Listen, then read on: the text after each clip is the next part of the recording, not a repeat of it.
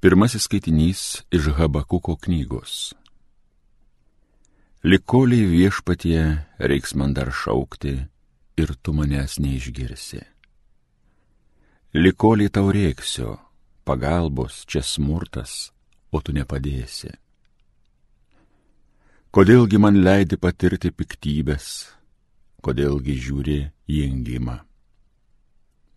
Prieš mano akis vien žiaurybės ir smurtas, iškyla vaidai ir eina kivirčiai.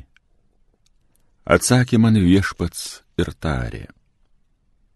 Užrašyk, ką regėjai, įraižyk lentelėse aiškiai, kad skaitoma būtų be vargo. Paskirtų laiku išsipildys regėjimas, netgi jau veržės prie galo ir jis neapvils. Nors ir uždėlstų, vis tiek lauk, nes tai išsipildys, būtinai išsipildys. Nedorėlis ima štai nykti, o teisusis liks gyvas dėl ištikimybės. Tai Dievo žodis.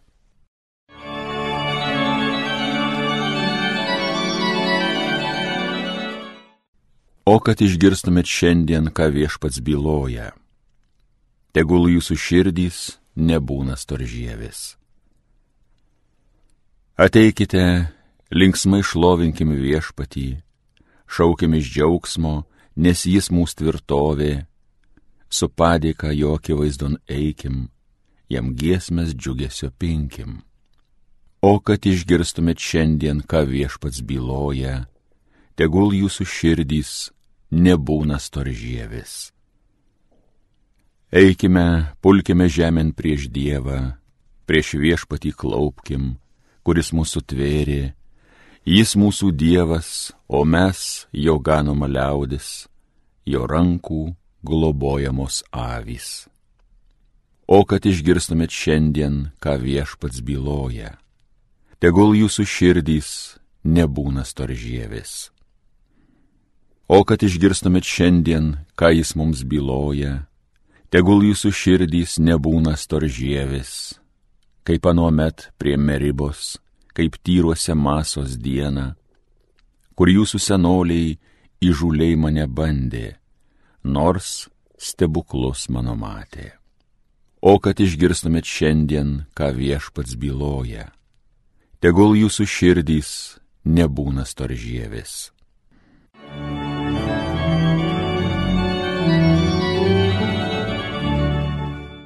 Antrasis skaitinys iš Šventojo apaštalo Pauliaus antrojo laiško Timotiejui. Mylimasis, aš tau primenu reikalą atgaivinti Dievo malonės dovaną, suteiktą mano rankų uždėjimu.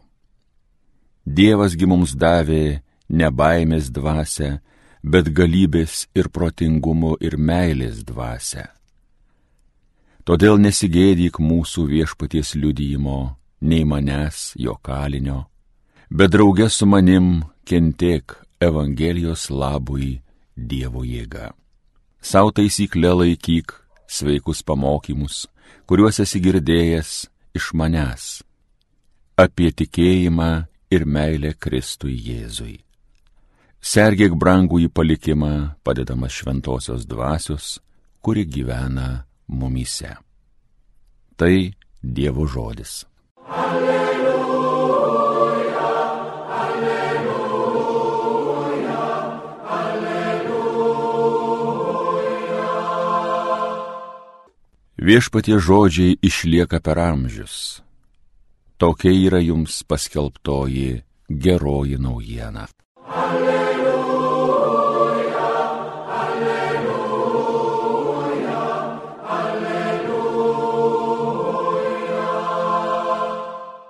Viešpat su jumis. Pasiklausykite šventosios Evangelijos pagal Luką. Apaštalai prašė viešpatį, sustiprink mūsų tikėjimą. O viešpas atsakė, jei turėtumėte tikėjimą kaip garstyčios grūdelį ir įsakytumėte šitam šilkmedžiui, išsirauk ir pasisodink jūroje, tai jis jūsų paklausytų. Kas iš jūsų turėdamas samdinį ar toją ar piemenį, jam grįžus iš lauko sako, tuo jau sėsk prie stalo. Argi nesako, prirenk man vakarienę, susijuosk ir patarnauk, kol aš valgysiu ir gersiu, o paskui tu pavalgysi ir atsigersi. Argi samdiniui dėkojama, kad jis atliko, kas jam liepta. Taipogi jūs atlikę visą, kas jums buvo pavesta, sakykite, esame nenaudingi tarnai. Padarėme, ką turėjome padaryti. Girdėjote viešpatie žodį.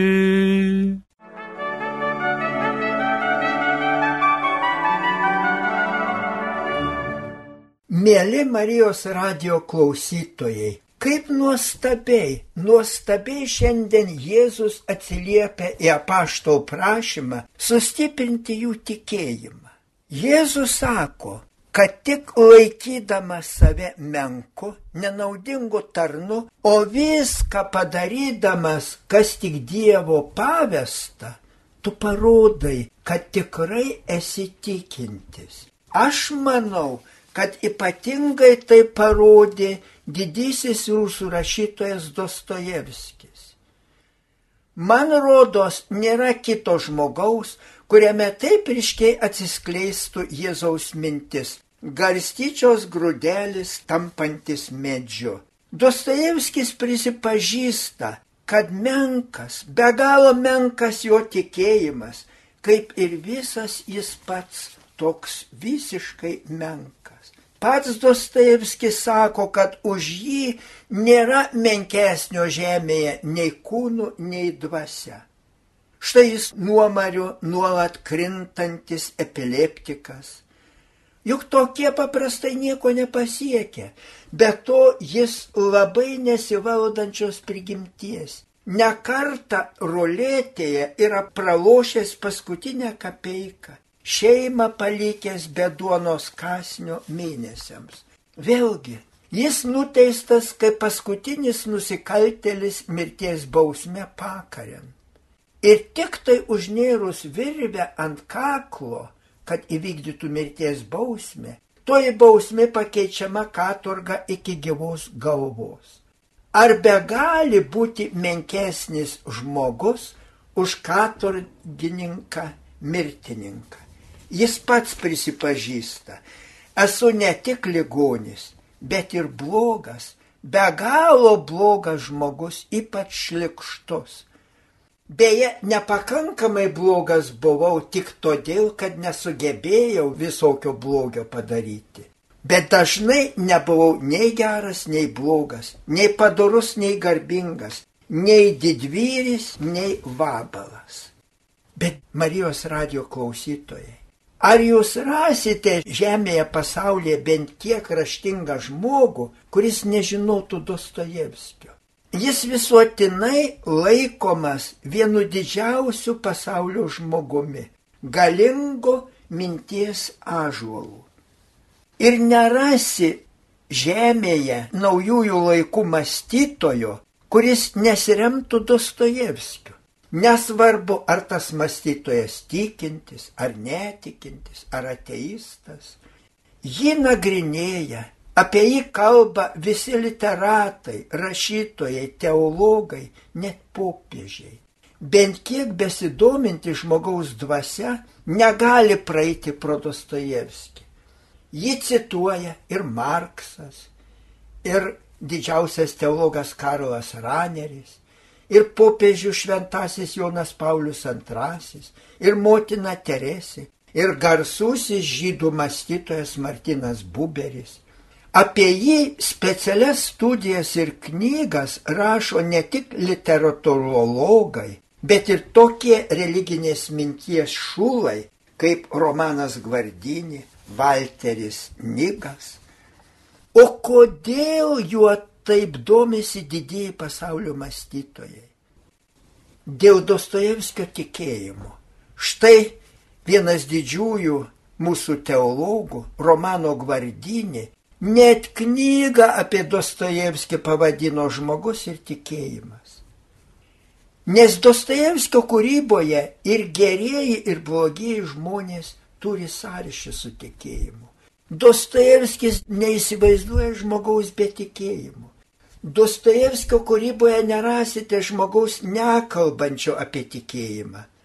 Tai parodo, kad pats Dostojevskis gyvenimo neįsivaizduoja be tikėjimo.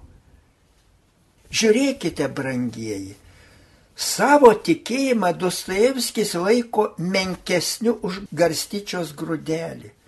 Koks jis jautrus tikėjimo atžvilgiu, koks kritiškas. Skausmingai, labai skausmingai jis klausia, ar gali kas nors mane laikyti tikinčiu. Bet gal tik tokioje jautrioje sąžinėje ir te gali tikėjimas iš garstyčios grūdelio tapti ažolų galiūnų. Štai koks jo sąžinės jautrumas. Jo katurgos viršininkas, girtuoklis ir erodas. Žmona amžinai sulaužytais kaulais, dažnai guli be sąmonės po kelias dienas. Ir atsitiktų man taip, kai Dostojevskis paleidžiamas iš katurgos, tą dieną staiga miršta tas erodas. Kas bus su ta suluošinta vargšė, palikta be grašio, vieniša, užuita, be sveikato, sugriauta sveikata. Ir Dostojevski greužia sąžinį. Kodėl neginėme jos nuo erodo?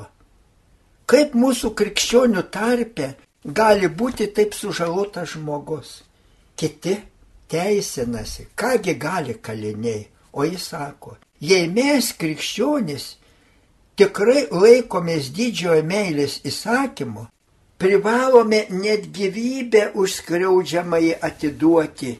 Ir Dostojevskis eina pas ją, atsiklaupia prieš ją, nusilenkia iki žemės klopėdamas, dovanok mums, dovanok mums visiems, kad neginėme tavęs. Ir po to nutylė sako, bet aš labai noriu, kad tu tekėtum už manęs, tekėk. Ir jie apsiveda, išvyksta į Peterburgą. Ar po poros metų ji Peterburgė pabėga nuo jo. Dar po kelių metų jis sužino ją mirštant Paryžiuje kaip nusivalkėjusią prostitutę. Dostojevskis verkdamas, klūpdamas, susieško ją, atsiklaupia prie jos mirštančios lovos ir vėl maudauja atleidimo, nes labai jai nusikalto, pražudė jos gyvenimą, nes vedė ją be meilės, o tik iš užuojautos.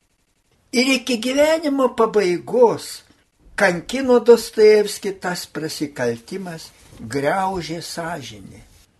Mėly Marijos radio klausytojai, turbūt tik su tokiu tikėjimu, su tokiu tikėjimo supratimu galima pamatyti žmogaus gelmes, kaip jas matė Dostojevskis ir vaizdavo. Taip, Dostojevskis visada jautė žmogaus gelmes ir jas aprašė.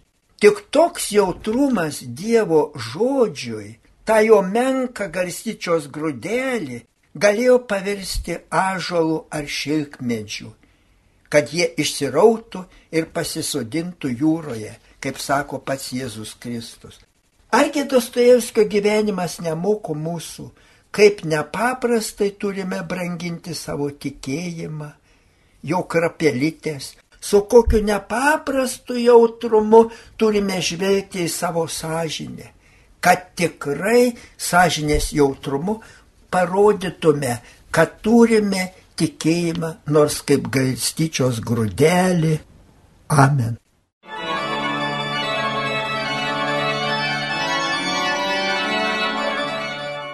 Evangelija gėdojo kunigas daktaras Vilius Sikorskas. Homilyje sakė panevižio vyskupas emeritas Jonas Kauneckas.